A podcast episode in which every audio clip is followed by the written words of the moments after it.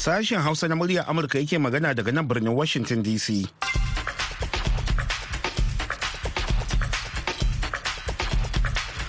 Masu sauraro Assalamu alaikum da fatan an tashi lafiya. Baba Yakubu makeri ne tare da Muhammad Hafiz Baballe da sauran abokan aiki muke farin cikin kasancewa da ku a wannan shiri na safiyar yau Litinin 6 ga watan Fabrairun shekarar 2023. Kafin ku ji abubuwa da muke tafe da su ga Baballe da kanun labarai. To baba, wata mummunar gobara a ƙasar Chile ta yi sanadin mutuwar mutane 24 tare da jikkata wasu kusan dubu ɗaya. rundunar monusco ta ce an kashe wani sojan wanzar da zaman lafiya na majalisar ɗinkin duniya ɗaya a gabashin jamhuriyar demokuraɗiyyar congo a ƙasar denmark kuma dubban mutane ne suka gudanar da zanga-zangar nuna adawa da kudurin da gwamnati ta gabatar na soke ranar hutu da ake kira great prayer day. Kanun labaran kenan. A cikin shirin za ku ji cewa wasu 'yan bindiga sun kashe iyalan sarkin garin mutum biyu a jihar taraba. Mun sallaci saboda bayan babu hali a rarraba kowanne a cikin buhu ne sun soma rubewa da lalace a cikin buhu aka sassaka. Kura pilot ne wasan body aka aka sallace aka yi aka sallace su. To a yau za mu ci gaba da kawo muku rahotanni na musamman akan siyasar Najeriya daga matakin jihohi inda yau za mu shiga jihar Delta mai fama da tashin hankali. There is no election and there will be no election in eastern region. Yana cewa ne ba za mu bari a gudanar da babban zaɓe ba musamman na 2023 a yankin kudu maso gabashin Najeriya da kuma wani ɓangare na jihar Delta. To kamar kowace safiyar Litinin yau ma muna tafi da shirin ciki da gaskiya wanda Sarfila Hashim Gumal zai gabatar. Amma yanzu sai a gyara zama domin shan kashin farko na labaran duniya. Jama'a assalamu alaikum da fatan an wayi gari lafiya ga cikakkun labaran duniya mai karantawa Muhammad Hafiz Baballe. Rundunar wanzar da zaman lafiya ta Majalisar Ɗinkin Duniya da ake kira MONUSCO ta bayyana cewa an kashe wani sojan wanzar da zaman lafiya na Majalisar Ɗinkin Duniya ɗaya a gabashin Jamhuriyar Demokuraɗiyyar Congo jiya Lahadi. Lokacin da aka yi wani lokacin da aka yi wa wani jirgin sama mai saukar ungulu na dakarun wanzar da zaman lafiya lugudan wuta a sararin samaniya. Jirgin mai saukar ungulu ya iya sauka a babban birnin lardin goma. An kai masa an kai harin bayan ya tashi daga birnin beni da sakaliyar rana. A cikin wata sanarwa da rundunar monusco ta fitar ta ce wani jami'in wanzar da zaman lafiya ya samu mummunan rauni a harin wanda bata bayyana kowane ne ke da alhakin kai harin ba. Sanarwar bata bayyana kowane irin makami aka harba kan jirgin ba ko kuma abin da ya haddasa asarar rayuka. An girke dakarun wanzar da zaman lafiya na majalisar ɗinkin duniya mai ɗauke da sojoji kusan dubu goma sha takwas da ɗari biyu a gabashin congo tun bayan da ta karɓi ragamar jagorancin aikin da majalisar ɗinkin duniya ta yi a baya a shekara ta dubu biyu da goma.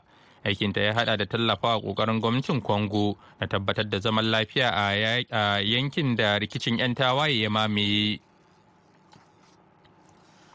Jami'an kashe gobara suna ta fama da barkewar gobarar daji da dama a ƙasar chile jiya lahadi inda suke neman shawo kan ɗaya daga cikin bala'i mafi muni a ƙasar a tsawon shekaru yayin da adadin waɗanda suka mutu ya karu zuwa akalla 24 tare da jikkata wasu kusan dubu ɗaya.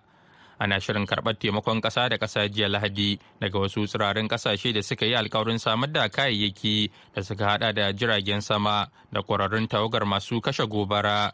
Yayin da gobarar dajin mafi muni ta kona dazuzzuka da filayen noma a yankuna uku da ke kusa da tsakiyar tekun pacific na kudancin amurka. Gwamnatin shugaba gabriel borish ta sanar da ayyana dokar ta ɓaci a kudancin ƙasar da mafi yawan ƙauyuka ne a yankunan bayo-bayo noble da kuma arukaniya don gaggauta kai kayayyakin agaji. Gobarar ta lakume kusan hekta 270 ko kilomita 140 kamar yadda jami'ai suka faɗa jiya lahadi ko kuma wani yanki da ya kai girman jihar rhode island ta amurka. Labaran yana zuwa muku ne daga nan sashen hausa na muryar amurka a birnin washington dc dubban mutane ne suka taru a birnin copenhagen jiya lahadi da nuna adawa da kudurin dokar da gwamnati ta gabatar da soke ranar hutu don taimakawa wajen ƙara kashe kuɗaɗen tsaro. Manyan ƙungiyoyin kwadago na ƙasar ne suka shirya zanga-zangar adawa da soke hutun ranar addu'o'i da ake kira great, uh, great prayer day ranar hutun kiristoci da ke faɗuwa a juma'a ta huɗu bayan ista wanda aka fara tun a shekara ta 1686 Ƙungiyoyin da suka shirya zanga-zangar sun kiyasta akalla mutane dubu hamsin ne suka halarci zanga-zangar wadda ta zama zanga-zanga mafi girma a Denmark cikin fiye da shekaru goma. Sai dai 'yan sandan yankin ba su ba da kiyasin taron jama'ar ba. An ba da shawarar soke hutun ne a watan Disambar bara don taimaka wajen tara kuɗaɗen haraji don karin kashe kuɗin tsaro a yaƙin da rasha ke yi a Ukraine. kuma wani ɓangare ne na sabuwar gwamnatin danish da aka kafa na shirin sake fasali da nufin shawo kan ƙalubale ga tsarin jin daɗin denmark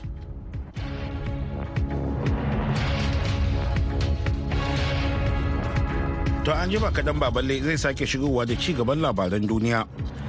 Amma kafin nan wasu 'yan bindiga sun kashe iyalan sarkin garin mutum biyu a jihar taraba da suka hada da matansa biyu da kuma 'ya'yansa guda biyar bayan da suka nemi kuɗin fansa da ba a ba su ba. Rundunar 'yan sandan jihar taraba ta bakin kakakinta sp usman abdullah ya tabbatar da wannan lamarin. Muhammad salisu garba na ɗauke da karin bayani a cikin wannan rahoto. Al'amarin dai ya faru ne a yankin mutum biyu da ke karamar hukumar gasol a jihar taraban inda 'yan bindiga suka yi garkuwa da iyalan mai martaba sarkin mutum biyu. Daga bisani kuwa suka nemi wasu 'yan kudade masu yawan gaske wadda ba a ba su ba sai ko suka kashe iyalan sarkin da suka hada da matan sarkin guda biyu da kuma 'ya'yan sarkin guda biyar. Ɗaya kuwa ya tsira da ransa. Al'amarin da kakakin rundunar 'yan sandan jihar taraban sp abdullahi usman wadda na yi masa tambaya kan cewar ko a ina ma aka samu gawawwaki bakwai da aka kashe kashe? An samu gawakin su a can jejin Kwando wadda ke ƙarƙashin ƙaramin hukumar Karfakola. Ita hukumar 'yan sanda jihar Taraba ƙarƙashin shugaban TP Abin Bola Shoko ya fiye su daga hada ƙungiya ta musamman wato etisa ta haɗin gwiwa mu 'yan sandan hukumar sanda jihar Taraba da maharba da 'yan banga kamar yadda aka saba yi don a kai ɗauki. Shi kuwa Ahmadu Muhammad wadda ke zama kwamandan baka na karamar hukumar Jalingo a jihar Taraban wadda ya ce shine dai ya ba da umarni domin a je a ɗauko wannan yaro wanda ya nasarar kwatowa daga hannun 'yan bindiga da suka kashe 'yan uwansa. Ya samu daman biyo ramummuka da kogi ya zo an ba su labari amma za su je su duba shi. So ya kai ga sun yi tattaki zuwa gurin suka je suka duba shi suka ɗauko shi misali har wajen ƙarfe zuwa bakwai da rabi haka ka iso da shi cikin garin Kwando. Da garin Kwando suka ɗauke shi zuwa Sunkani. To yaro dai yana cikin wani hali sosai muna shawara da su dai a kawo shi Jalingo asibiti a kai shi mutum biyu gun mahaifinsa sai mahaifin ya kira yake ce lallai a kai shi mutum biyun zai fi so aka ɗauke shi a cikin daren a gurguje aka kashe mutum biyu. Shi kuwa Isiyaku Umaru Tammai na ɗaya daga cikin 'yan bankan da suka yi nasarar tsintan yaron da ya samu ya tsira da ransa wanda ya ce wannan yaron dai ya shaida musu cewar yana wannan rarrafe ne duk inda ya samu gulbi ya tsoma kai kuma da inda ya samu 'ya'yan ɓaure ya ci haka dai har ya iso inda yake. Da muka je muka duba sai muka tarar da wannan yaron yana tafiya da gwiwa yana cin ƴaƴan ɓaure. In ya samu inda ruwa yake kuma yana sha kuma yana galabaice amma yana gane mutane na iya magana. Mun tambaye shi ina sauran ƴan uwansa daga ina yake ya ce su ne wanda aka yi garkuwa da su. Ƴaƴan mai martaba sarkin mutum biyu. Da muka tambaye shi ya gaya mana ga to ina sauran ƴan wanka ya ce an kashe su ta ina ne ce shi bai zai iya gane wannan gurin muka to shi kuma sai muka ɗauko shi muka zo caji ofis na kondom muka kira ƴan sandan gurin muka musu report. A nasu ɓangaren al'umma mazauna yankin mutum biyu da ke karamar hukumar gasol a jihar taraban waɗanda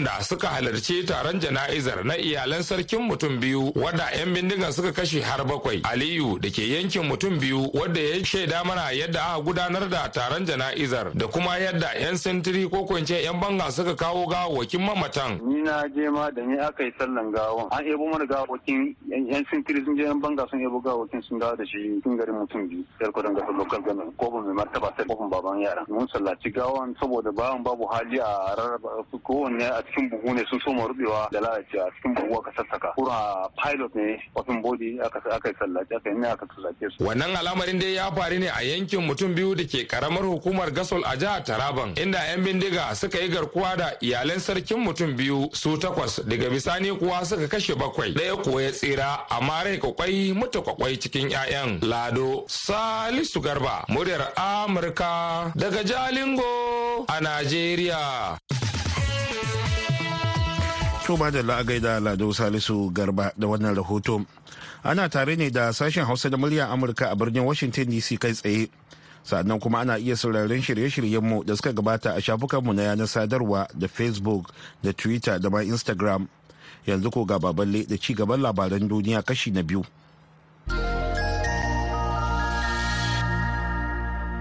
masu hako mai na iya sake yin la'akari da manufofin fitar da shi biyu bayan bukatu da aka samu na farfadowa a ƙasar china ƙasa ta biyu mafi girma a duniya mai amfani da mai kamar yadda babban daraktan hukumar makamashi ta duniya Fatih Birol ya bayyana jiya Lahadi.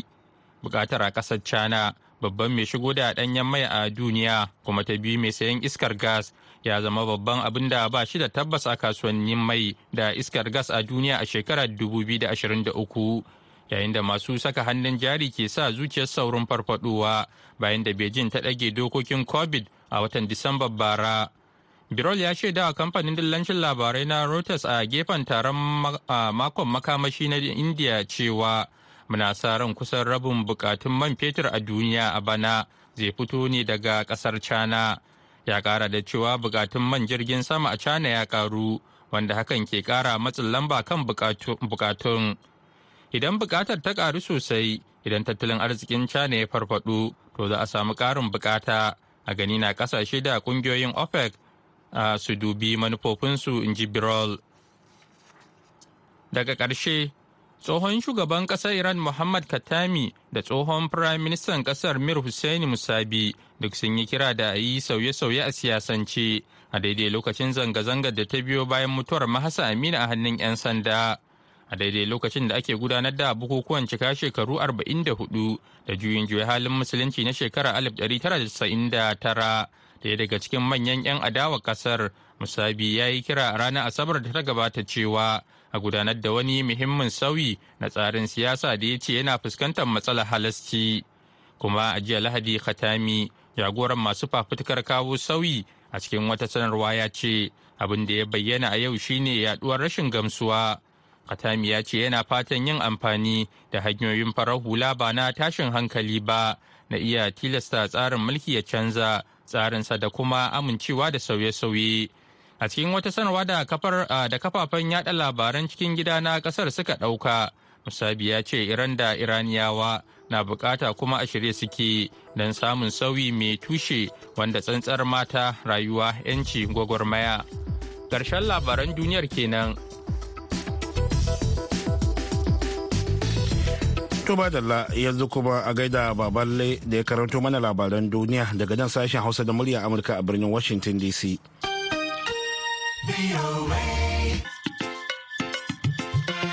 Yanzu kuma bari mu je ga rahotonmu na musamman wanda a yau za mu yi akan siyasar Najeriya a matakin jihohi a daidai lokacin da babban zaɓen ƙasar ke kara karatowa. A yau za mu yada zango ne a jihar Delta mai fama da tashin hankali.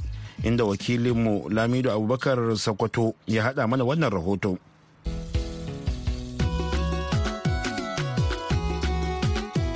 Talaka kamar kuka kuri'ar ka yancinka ka riƙe makamanka ita za ta cece ka. Talaka kamar An kirkiro da jihar Delta ne da ke yankin Niger Delta daga jihar Edo wadda ake kira Bendel a baya a ranar 27 ga watan Agusta na shekara ta 1991. Jihar Delta dai a yanzu ta yi iyaka da jihohin Edo, Anambra da kuma jihar Rivers. Haka kuma lokacin an kirkiro da jihar tana da ƙananan hukumomi goma sha biyu kacal kamin daga bisani a ƙara mata su koma ƙananan hukumomi 25 kuma gwamnan mulkin soji na farko shine iya loki ciku wanda ya kama mulki daga ranar 28 ga watan na agusta na shekara ta 1991 lokacin zamanin mulkin tsohon shugaban ƙasar tarayyar najeriya ibrahim banmasi babangida. Haka kuma jihar ta samu gwamnan farar hula na farko wato mr phyllis ibu a shekarar 1992 a yanzu kuma gwamnan jihar shine Musa Ifanye Okowa na jam'iyyar PDP da ke gab da kammala wa'adinsa na ƙarshe. Zuwa yanzu dai 'yan takarar gwamnoni a jihar musamman a zaɓen shekara ta 2023 mai zuwa su ne Honorable Obo Wore Sharif na PDP da kuma Omo Agege na jam'iyyar APC mai mulkin Najeriya wanda fafartawa su za ta fi zafi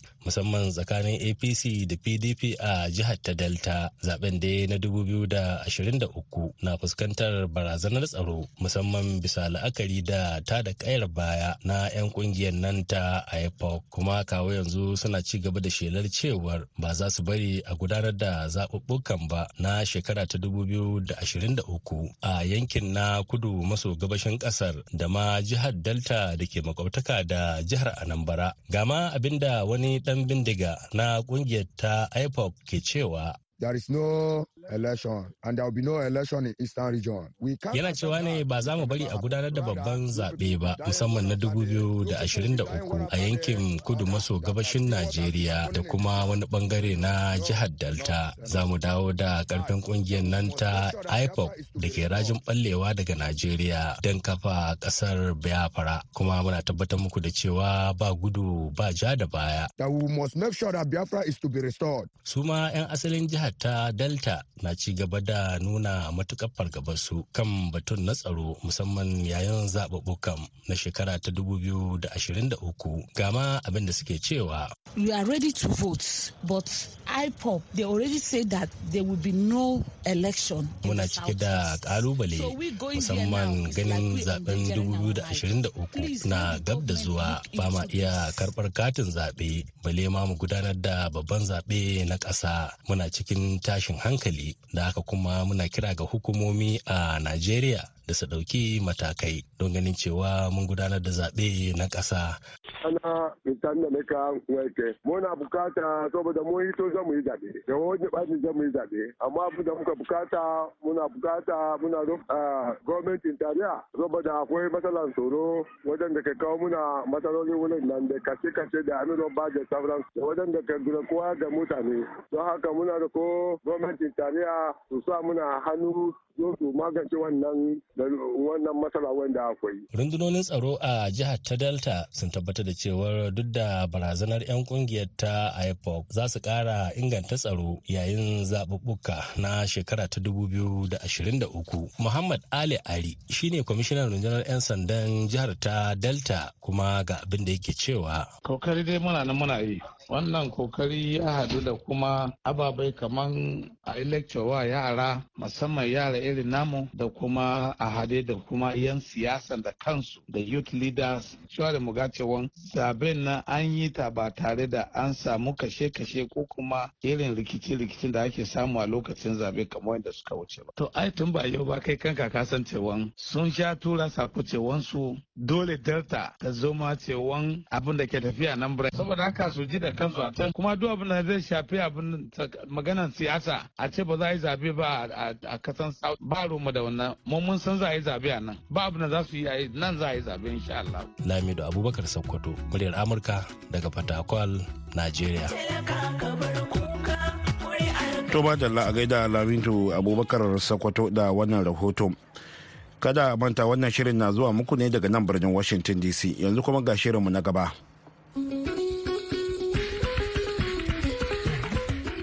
Jama'a salamu alaikum. Masu raro barkan da sabon shirin ciki da gaskiya da kan bukadin waɗanda aka zalunta. Yaƙi da cin hanci da rashawa bin haƙƙin marayu ma'aikatan da ke aiki da 'yan fansho da dai sauransu. A yau za mu duba batun rushe wata unguwar fulani da ke kusa da barikin sojoji na kaduna. Kasance da mu cikin shirin. Sunana sarfil hashin gumel. Shirin na wannan makon zai shiga jihar Kaduna zuwa yankin Jaji, inda hukumar barikin soja da ke yankin ta rushe unguwar da ake kira Bela, wadda ke zama matsugunan makiyaya na tsawon shekara da shekaru. Ɗaya daga iyaye mata da aka rusa wa gida a yankin Fatima Ibrahim, ta ce barikin sojan mata tarar da su a yankin, kuma da jama'arsu aka yi amfani wajen gina ita kanta barikin. Sunana Fatima Ibrahim. Kuma ni ne mai wakiltan filanin da suke zaune a bela jaji kenan. To a august an zo an ba mu 30 minutes a gidajenmu aka rushe mana gidaje dukanmu duka aka yi ɗin gidaje. To da aka yi kwandab gidaje mu mun so mu ji. 30 minutes wani minti 30 talatin? Kakka ji tsoron magana. Talatin. Kwamandai ya ba mu muna zaune a baya akwai dogo kuma wannan gurin da muke zaune sama da shekara saba'in iyayenmu suna nan. Jaji na ya sami gurin barikokin duka nan suka samu iyayenmu a wajen nan. To sai aka zo aka wayi gari a ruwa sama ruwa ƙasa ana ta ruwa haka aka ruruce mana gidaje. Me muka yi? An kama ɗankin nafin koko an kama wani ya je ko infoma aka ce ba ɗaya doka ne daga sama. Ga muku? In ji komanda in ji sojojin da suka zo gurin kenan. Suka ce doka ne daga sama a rushe wannan gurare. Ba a son ganin wani a gurin. To me ina za mu je? Dukan mu a lokacin ba mai dawan da zai kai shi sati biyu. Sadda aka yi mana wannan rusau sama da gida hamsin aka yi rusau ɗin nan. Gida kuka gina irin gidaje da ake koko da irin rigakku na fulani? Oh gidaje ne bulo da bulo. Kwano ko ina kowa kwano da komi wanda ka sani kaman unguwa. Kana daga saman titin zaria zuwa kaduna in ka sa idon ka yamma za ka hangi gidajenmu kuma abun da ya riba mu da bariki ai dogo shi ya riba mu. Hanyar leruwai shi ya riba mu. Eh hanyar jirgin ƙasa. Bayan na ce to ba a tashi mana wannan shin mutunci sai da muka tsiyashe ba mu da ka ko kaza ba kowa ya mallaka. Duk sadda mutanen nan za su shigo za su zo da makamansu. Tun suna zuwa ƙarfe goman dare sun zo suna ƙarfe tara sun zo. Sau uku ana shiga mana gida. Shine nake so in ce me kike nufi da kuntsiya ce? Ba saniya ba akuya ba tunkiya duk mu har ga Allah wanda suke zuwa da daddare ba su ɗaukan mana tumaki ayin awaki ba. Mu soja su suka zo suka ƙwace mana awaki har da kaji. A tsaya kina nufin ku da ake cewa fulani suna yin aiki na kidnapping. Wato ku ma an zo an ɗibi na duka an ba mu da komi yanzu dukan mu a gidajen haya muke. Wallahi wasu kwanan nan so uku ana masoyi ne. Ba kuɗin ba wani sana'a. Daga noma sai kiwo shi muka sani. Kuma ga yaran mu duka matasa muna da su sama da hamsin wata mata ɗaya wasu biyu wasu ma ba a yi masu auren ba. Duka muna nan da su. Sai aka ce an kore mu a gurin. Ba a son ganin mu an rusa mana gidaje. Ina ake son mu kai matasan mu yaran mu yan shekara huɗu biyar makaranta suke yi. To in muka yi nesa da makarantun ina za mu sa su makaranta? Dan Allah ina tambaya ina za mu sa su? Amma yanzu da suka da aka bayan an rusa ina kuka koma? Muna cikin jaji yanzu. Dukkan mu muna cikin daji wasu kuma sun tashi sun yi kudu gida biyar sun tafi sun yi kudu suna wajen Abuja. ina wasu su ce kotun asali can akwai yarjejeniya tsakanin ku da rundunar soji cewa idan aiki ya zo za ku tashi ku ba su guri? Oh, babu. Ba yarjejeniyan don da da yarjejeniyan ai da iyayenmu sun ba mu tarihi. Don duk gini ginen da aka yi da yayyenmu aka yi kankarin. Dukka a barikokin nan da su aka yi kungilan gini. Kina nufin da yan uwanku aka gina bariki? Ka barikin nan da su aka yi. Barikin gurin ta same ku kenan? Gurin ta same mu. Ko yanzu in muka je ina iya gwada ma kowa makabartar wannan na kakana wannan na tsohonmu wannan duka suna nan. yanzu haka a take yin. Amma kafin a baku minti talatin da kika ce aka rushe kila an ɗauki wani lokaci suna gaya muku suna son gurin ba ku tashi ba. O o o ba su taɓa ba. So ɗaya suka kira taro suka ce gurin nan ya aka yi kowa ya mallaki wajen nan. Mu sau ɗaya muka san an kira filani taro sau ɗaya. Ana kiranci taron na ya je suka dawo na ce ya aka yi suka ce ba a son a ga wani kiwo a bakin bariki ko saniya ko akwai har ce to ina shanu? Shanun da duk an sace. Suka ce to ai su ma an sace masu nasu. Doka ne daga sama ba a so a ga kiwo ana. Binciken da filin ciki da gaskiya gudanar ya nuna cewa sojoji ko cibiyar soja na da hurumin tsarin mallakar duk inda ta gina wata cibiya da tazarar sassa da ke kewaye da wajen. Amma takan samu shekaru kafin neman sassan haka kuma akan yi bayani ga waɗanda ke yankunan don neman inda za su koma kafin a ɗau matakin faɗaɗawar. Kasancewa sojoji ba su fiye yin ƙarin haske kan matakansu ba. Amma shirin ya nemi jin ta bakin shugaban sashen kula da hulɗar soja da fararen hula na rundunar manjo janar marcus kange wanda ya ce duk wanda yake da korafi kan wani soja ko rundunar soja ya rubuta ko ya je ofishinsu don kai korafi tare da tabbatar da cewa za a share wa mutum hawaye.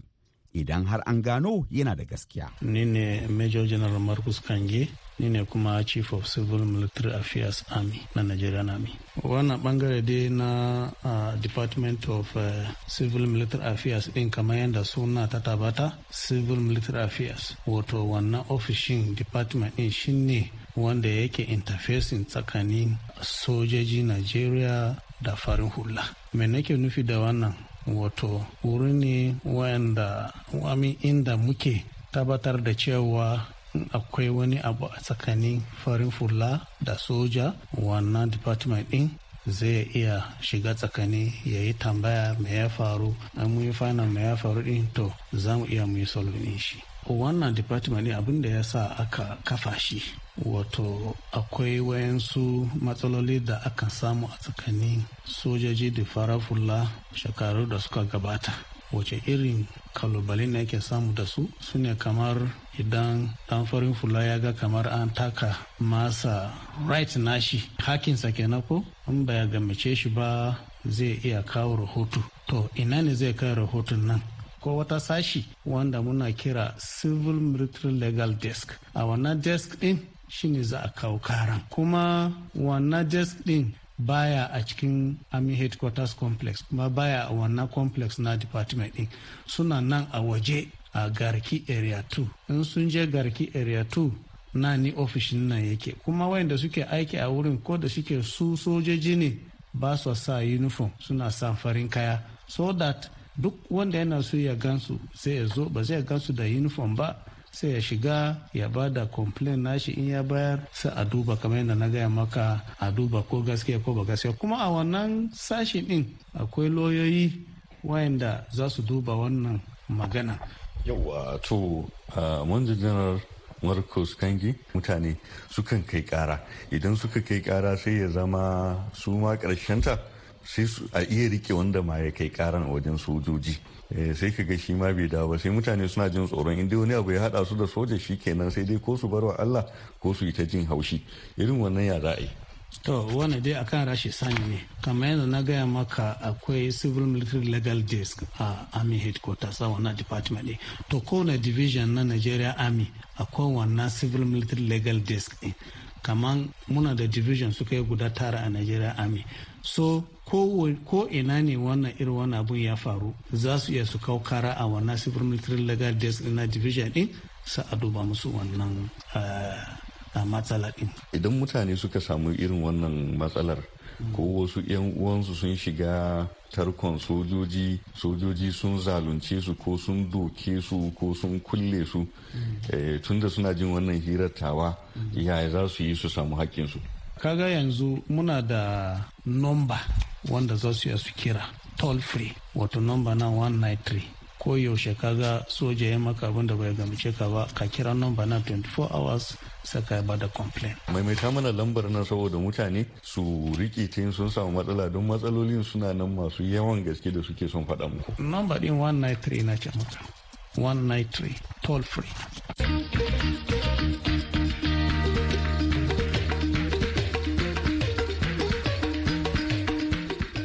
Manjo janar Marcus kenan.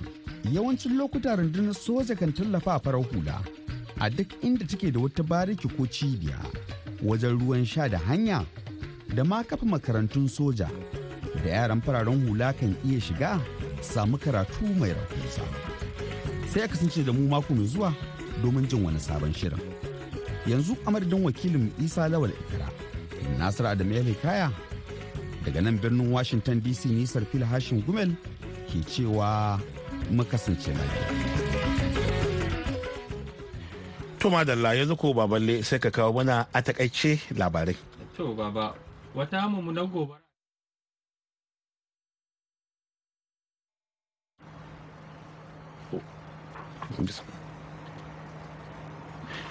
To ina jin iya abin da za mu iya kawo muku kenan a daidai wannan lokaci. A don haka um, sai nan da hantsi in Allah yadda za mu kawo muku wani sabon shiri.